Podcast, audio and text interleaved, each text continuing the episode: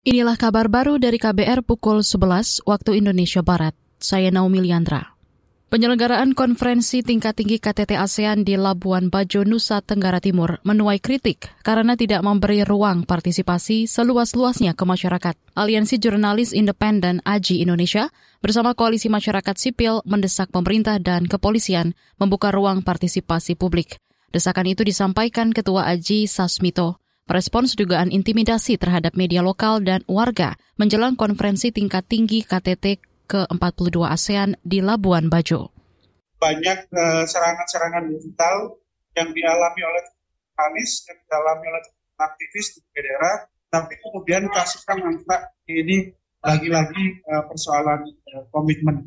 Dan yang kedua, kita juga menerima laporan ada dugaan uh, campur tangan ya, dari TNI yang usaha menghubungi Nah ini tentu tidak ada kaitannya ya. Saya ingatkan kembali eh, TNI tidak ada uh, kewenangan urusi pemberita. Itu tadi Ketua Aji Sasmito. Sementara itu pemimpin redaksi Floresa.co, Rosis Adir, mengatakan medianya mengalami gangguan digital baik terhadap portal berita maupun terhadap jurnalis menjelang KTT ASEAN.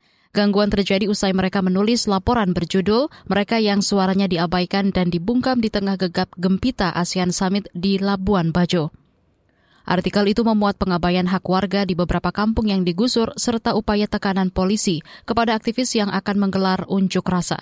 Sebelumnya Kapolda Nusa Tenggara Timur NTT, Johannes Asadoma, meminta masyarakat menahan diri agar tidak berunjuk rasa selama penyelenggaraan KTT ke-42 ASEAN. Konferensi antar negara Asia Tenggara itu berlangsung mulai besok hingga Kamis. Kita ke informasi lain.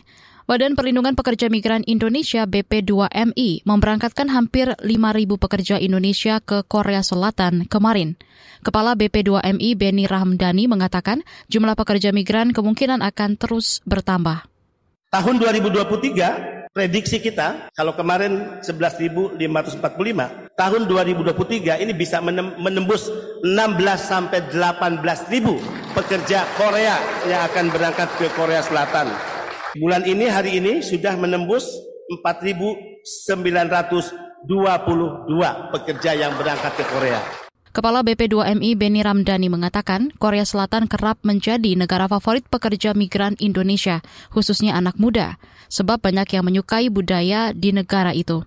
Beni memastikan para pekerja yang berangkat telah mengantongi bekal untuk bertahan hidup dan bekerja.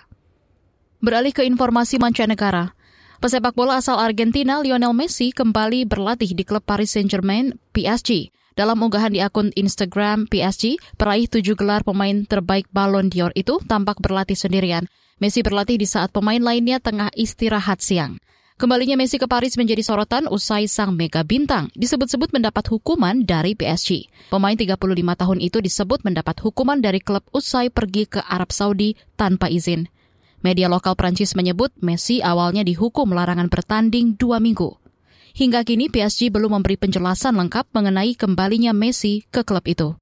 Demikian kabar baru KBR, saya Naomi Liandra undur diri.